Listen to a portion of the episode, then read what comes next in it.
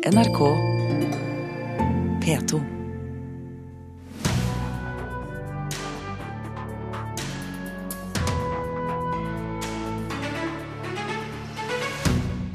Piratkopiering er ikke vits i lenger. Strømmetjenestene har blitt gode nok, hevder Piratpartiet. Høyre drar avvist Frp-forslag opp av hatten, vil lage norsk kulturkanon. Operaen. Hamsun. Edvard Munch. 17. mai. Folkemusikk. Bunad, ja. Og graffitikunsten har bokstavelig talt blitt stueren. Fra å være ulovlig og bannlyst betaler nå folk for å få sprayet vegger både på kontoret og hjemme. Og vi skal høre hvilke TV-serier du ikke må gå glipp av i året som kommer. Dette er Kulturnytt med Thomas Alverstein Ove. Folk trenger altså ikke lenger laste ned film og musikk ulovlig, for nå har strømmetjenestene blitt så gode at det er enklere å bruke lovlige metoder. Det mener Piratpartiet, som får støtte fra IKT Norge. Men hvem som skal ha æren for det, det er de uenige om. Ja, Den kampen vår er i hvert fall eh, ganske nærme mål. I could be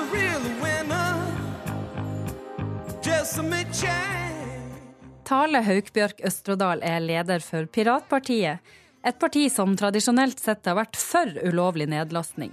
De har bl.a. støtta fildelingssida The Pirate Bay, som nå er blokkert i Norge, rett og slett fordi det er ulovlig. Men nå har pipa fått en annen lyd.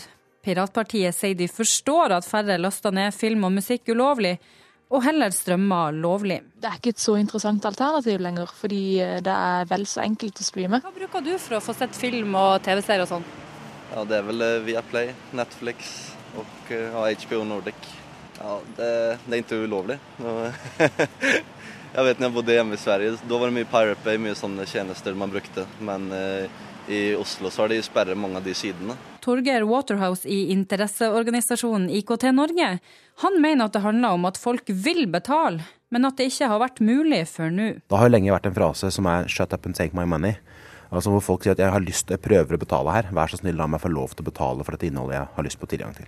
Så skulle man kanskje tro at Piratpartiet vil at tjenestene skal være gratis, men sånn er det ikke. Er det egentlig så veldig dyrt? Eh, altså, før så måtte du fort betale 99 kroner for ett album. Nå kan du betale Spotify 99 kroner for helt enorme mengder med musikk. Mer enn du klarer å høre på i løpet av en måned. Jeg lever langt under fattigdomsgrensa og kan likevel ha både Spotify og Netflix, liksom. Og så var det det her med ære.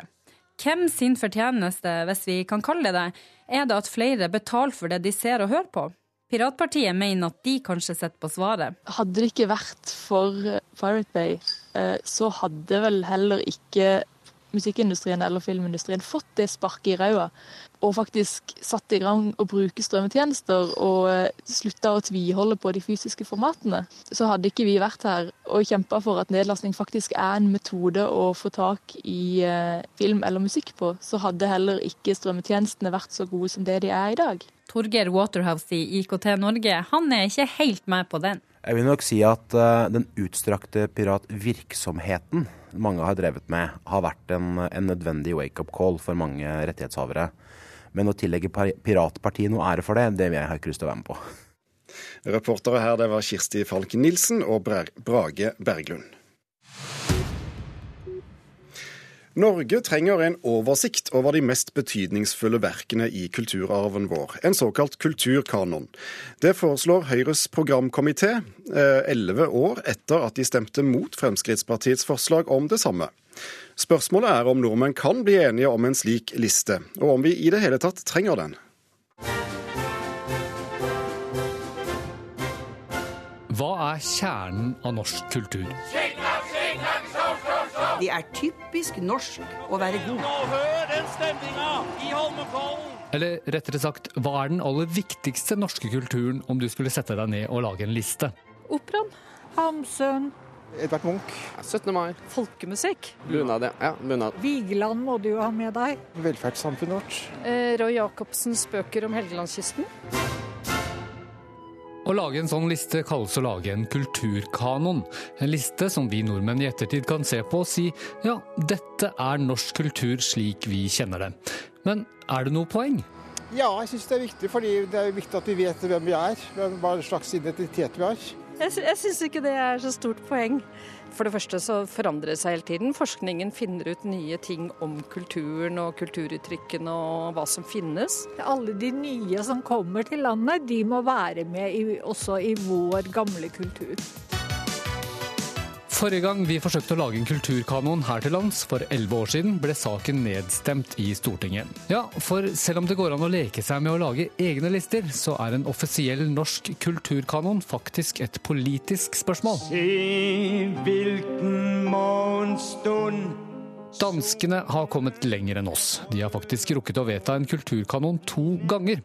Den første var en liste med dansk billedkunst, bøker, arkitektur, scenekunst, musikk og film. Den fikk voldsomt mye kritikk, og folk begynte å lage sine egne alternative lister. Så, rett før jul i fjor, lagde danskene en ny kulturkanon. Denne gang vil man bort fra enkelte kunstverk, og heller lage en tipunktsliste med danske kulturelle verdier som folk stemte over til slutt. Hensikten med denne nye danske kulturkanonen var ikke bare å øke danskenes kulturelle bevissthet, den skulle også bekjempe kulturell splittelse, radikalisering og terror, sa kulturministeren. Du kjære lille slikkebo, her kommer jeg igjen. Men da Sverigedemokraterna foreslo det samme i sitt land, ble det bråk. Paradoksalt nok fordi en slik liste kunne oppfattes som nasjonalistisk, splittende og innvandringsfiendtlig. Nå er spørsmålet om vi i Norge vil reagere som Sverige eller Danmark på forslaget fra Høyres programkomité.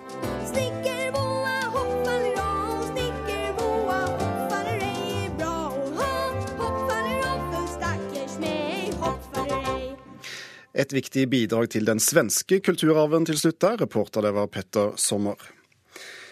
Torbjørn Røe Isaksen, leder for Høyres programkomité og til daglig kunnskapsminister. Hvorfor er det behov for en norsk kulturkanon? Eh, Det er to grunner til at jeg lanserer det forslaget i Aftenposten i dag. Det ene er at eh, vi lever i en tid som blir mer fragmentert, vi blir mer splittet, kanskje mer kortsiktige som samfunn også. Og da mener jeg det er viktig å revitalisere felles kulturarven vår for stadig nye generasjoner. Det andre det er jo at kultur skal være under debatt. Og dette er en måte å engasjere alle på, ikke bare de som er i kulturfeltet og aktive der, eller betalt for å være der, men folk flest i en diskusjon om hva som utgjør det fremste innenfor norsk kultur og norsk tradisjon. Er det noe som tilsier at norsk kultur er spesielt truet nå? Nei, det er ikke noe som tilsier at norsk kultur er truet, men det er mye som tyder på at vi lever i en tid med raskere endringer enn tidligere. Eh, Hvor vi blir mer fragmenterte, hvor vi ikke, ikke kan ta for gitt at alle har de samme referanserammene som tidligere. Og det kan være også kulturelle referanserammer, eller referanserammer fra kunsten. Og det tilsier at vi burde ha et felles krafttak og en diskusjon og debatt om det er ja, en kanon, eh, noen bautaer som er ekstra viktige, ekstra fremtredende, som utgjør noe som til sammen er i hvert fall en smakebit på norsk kulturarv. Fremskrittspartiet som vi hørte, foreslo dette i, i 2006, men eh, alle andre på Stortinget stemte dette ned. Eh, Hva er forskjellen på det dere i Høyre nå foreslår, og det Fremskrittspartiet foreslo den gangen? Det, det vet jeg faktisk ikke, for det er før jeg satt på Stortinget. Jeg var leder i Unge Høyre på den tiden, så, eh, så det vet jeg ikke. For, for Det er vel- sånn, det er vel- Hva har endret seg på disse snart altså elleve år jeg, jeg, nå, nå tror jeg ikke Høyre den gang var bastant mot, selv om man ikke gikk for for forslaget. Men det som kanskje har blitt enda tydeligere for oss, er jo nettopp det jeg sier med at vi lever i en tid med store endringer. Eh, Vi lever også i et samfunn som blir mer mangfoldig, og jeg mener at det er viktig nettopp i et samfunn som blir mer mangfoldig, og fremheve også det som er felles. Eh, Det ble nevnt i reportasjen her at i Sverige hadde de kalt det nasjonalistisk. Det er ikke nasjonalistisk å snakke om norsk kultur. Det er ikke nasjonalistisk å forsøke å finne noe som er felles for oss.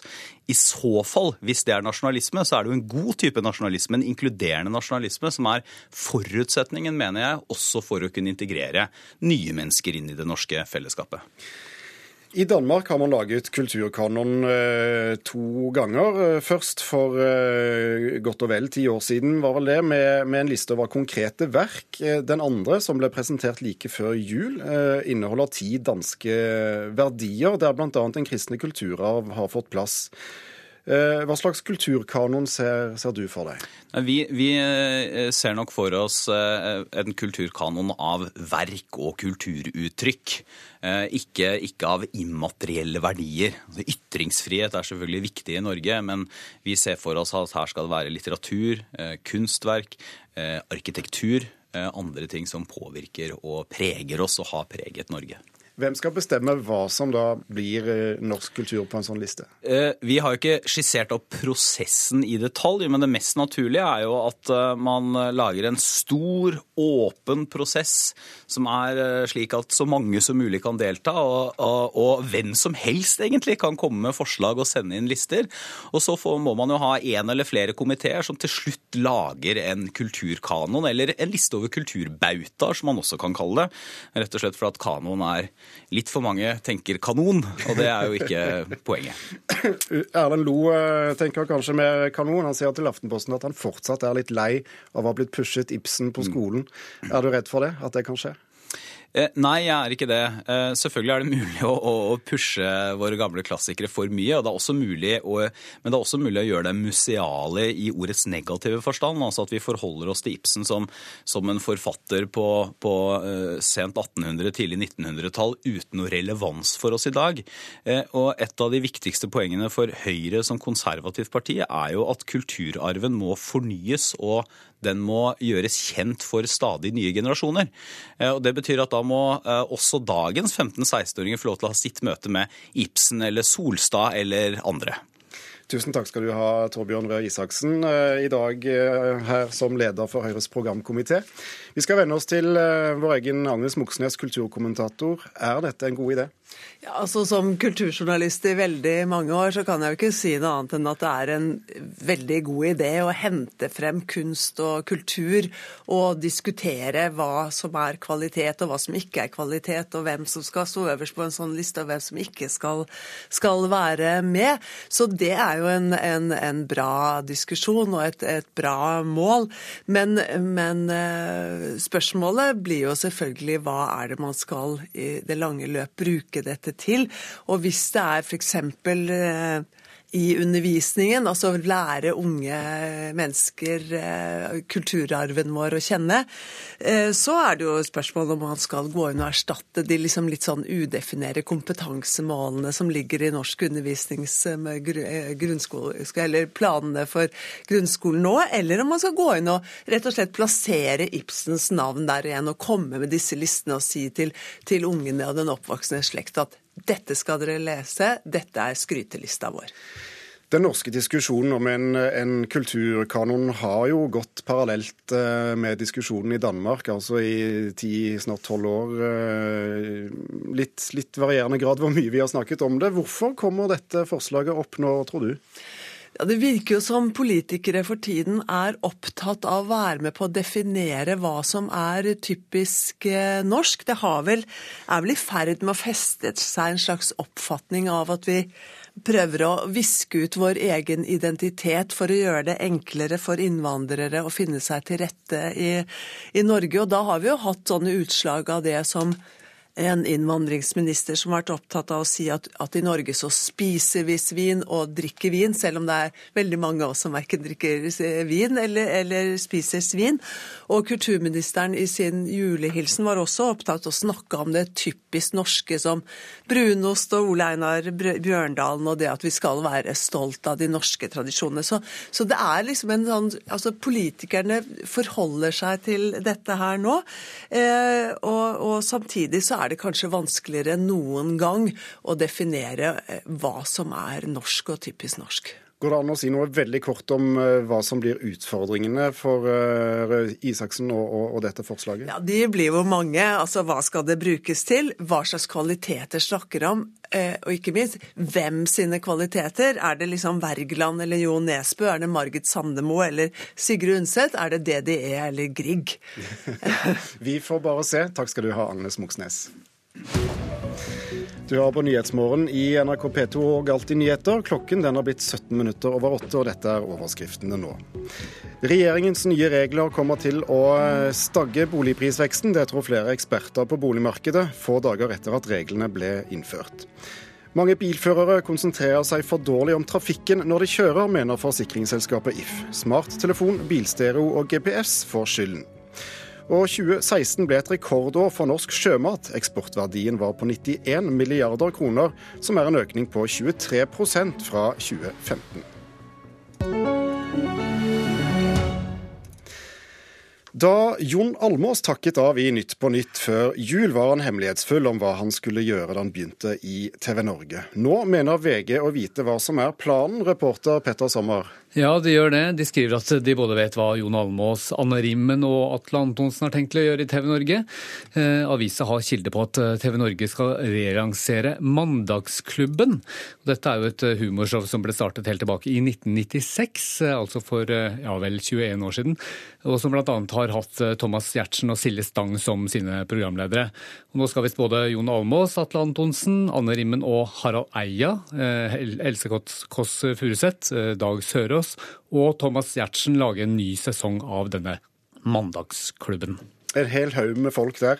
En hel haug blir det ikke som eh, vil kjempe om en eh, konsesjon som, eh, eller avtale med staten som kommersiell allmennkringkaster i Norge. Det skriver Dagens Næringsliv. Ja, rett før jul så sa jo kulturminister Linda Hofstad Helleland at regjeringen vil gi 135 millioner i statsstøtte til en kommersiell allmennkringkaster utenfor Oslo, mot at eh, kanalen må vise bl.a. minst eh, 50% norske programmer. Og alle har jo tenkt at denne avtalen er skreddersydd for TV 2, som har hatt eh, denne rollen i mange år, men likevel så har det vært snakk om at enkelte utfordrere kan komme på banen. Og nå skriver eh, Dagens Næringsliv at verken TV Norge, VG eller Bergens Tidende har reelle planer om å søke, så da er vel kanskje TV 2 er alene om å søke på den. Og så til slutt en uh, liten eh, gladmelding fra kjendislivet. Ja, dronningen av sosiale medier er nå tilbake på Instagram etter tre måneders pause. Vi snakker selvfølgelig om Kim Kardashian, som eh, vi husker ble ranet på hotellrommet sitt i Paris mens mannen holdt konsert.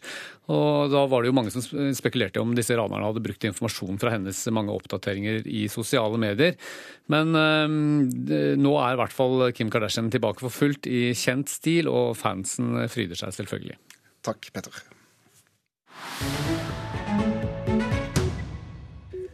I den populære serien Vikings dukket det i siste episode opp en mystisk enøyd mann. Vi snakker en av de mest populære TV-seriene i eh, verden. Det satte i gang spekulasjonene om hvem den fremmede kunne være. Nå viser det seg at svaret er norske André Eriksen. Han spiller Odin, som har kommet til Kattegat for å levere et dødsbudskap. Perhaps he should not have back. Det var en ganske kul, eh, kul eh, start for det. Så jeg hadde ikke forventa meg at den karakteren skulle få så mye oppmerksomhet. Det ser André Eriksen på telefon fra Los Angeles. Der har han travle dager for tida. I forrige veke dukka han opp i storserien Vikings på History Channel som sjølveste Odin. Det er en sånn litt sånn gammel eh, norrøn mytologi. Eh, når noen dør, så kommer Odin ned på jorda og bringer eh, dødsbudskapet. Så det er vel egentlig det karakteren min gjør. And I welcome the Valkyries to summon me home! Foreløpig har Eriksen spilt inn tre episoder av serien, men han veit ikke om det blir mer. Det har jeg ikke peiling på foreløpig eh, i det hele tatt. Jeg eh, gjør eh, den, eh, gjør den jobben jeg får, og så eh, blir det noe mer, så blir det noe mer. Blir det ikke noe mer, så blir det ikke noe mer. Her hjemme har han spilt inn filmer og TV-serier som Nokas, Pioner og Lillehammer.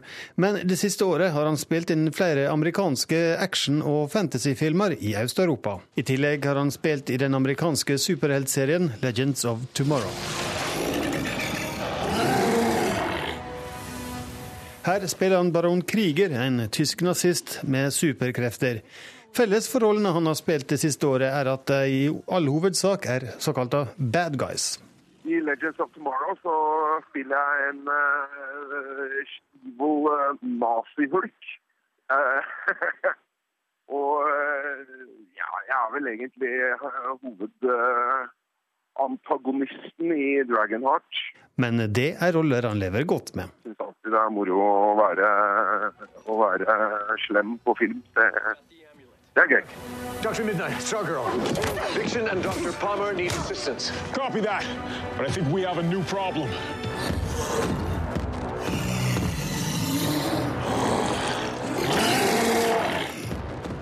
Til slutt hørte vi André Eriksen i rollen som nazihulken baron Kriger. Vikings eh, det kan du se her i landet på HBO Nordic, og reporter var Espen Alnes. Før det, var det uglesett og ulovlig, men sakte, men sikkert har gatekunsten gått den lange veien inn fra gaten til galleriene. Og mange ønsker også å ha en egen såkalt pis hjemme i stuen eller på kontoret. Når de ser noe fint ute, så vil de ha det med seg hjem. Sånn, sånn er vi, vi mennesker. Vi liker eh, kule ting, og, og graffitikunsten er ikke komplisert og vanskelig og, og vanskelig tilgjengelig. Den er eh, kul og enkel og wow-basert. Graffitikunstner Børge Brekke startet med graffiti på 80-tallet. Da var det han lagde mislikt av mange. Men nå merker han stor interesse for det som kalles street art eller gatekunst. Mange ønsker seg graffiti både hjemme i stua og på kontoret, forteller han. Det er alt fra firmaer, bedrifter, privatpersoner, organisasjoner. Det er på Instagram. Oi, hva er dette? Det er en muskuløs hane. På mobilen viser Laser, eller Lars Erik Smelhus Andreassen, fram en lilla hane med enorme muskler. Hanen pynter opp en hel vegg på et treningssenter i Hønefoss.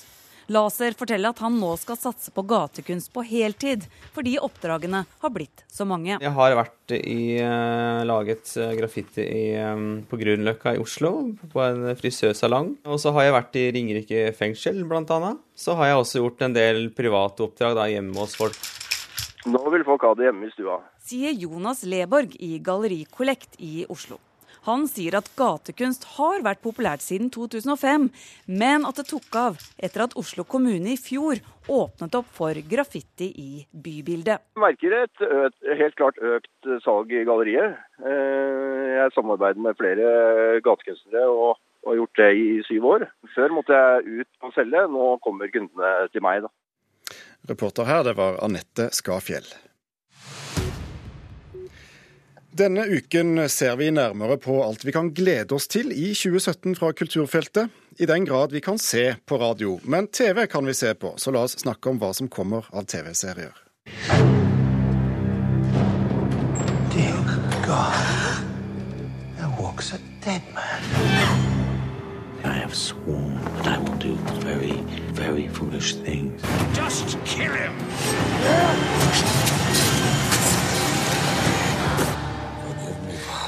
Sigurd Vik fra Filmpolitiet på P3, velkommen. Takk. Vi ba deg forsøke å velge bare én TV-serie som du gleder deg spesielt til i år, og du har plukket ut Tabu, som vi hørte fra her. Hvorfor det? Eh, Det er jo feigt å valge noe som har gått, så jeg måtte, måtte ta noe helt ny. Og Tabu er noe helt nytt. Har premiere nå i helga på HBO Nordic her i Norge, og er en eventyr-action-dramaserie fra BBC med Tom Hardy, eh, kjent skuespiller, blant annet skurk i Batman, som da er både hovedrolleinnehaver og serieskaper. Og så har du Ridley Scott, da, den gamle sci-fi-regissørlegenden på produsentsida. Så det her ser veldig bra ut. Det er mørkt, det er mystisk, det er tidlig 1800-tall, det er East Indian Trading Company som en slags sånn der CIA multinasjonal skurk.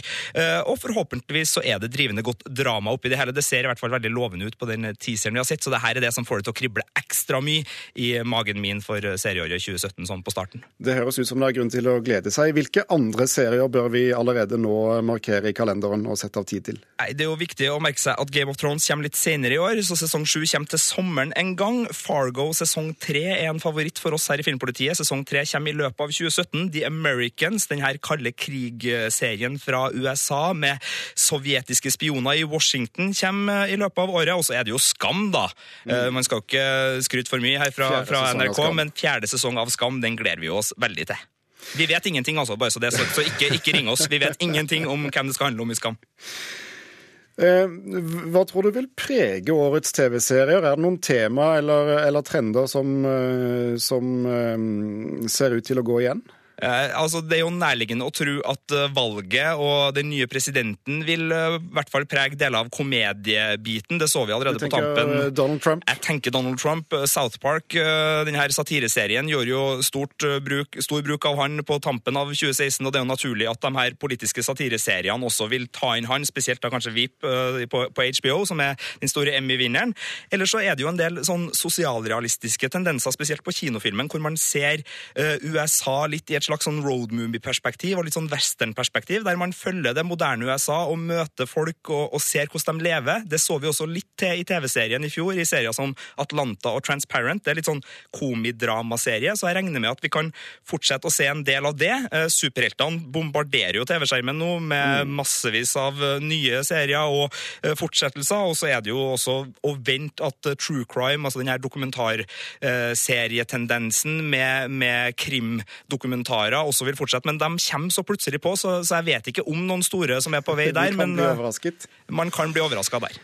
Du har allerede nevnt eh, Skam. Er det andre norske serier du har eh, stor tro på i år? Ja, Det var jo en eh, karakter i Skam som het William, spilt av Thomas Hayes, som uh, dukker opp i en ny norsk eh, krimserie som heter Elven. Kommer på TV3 i det jeg tror er mars.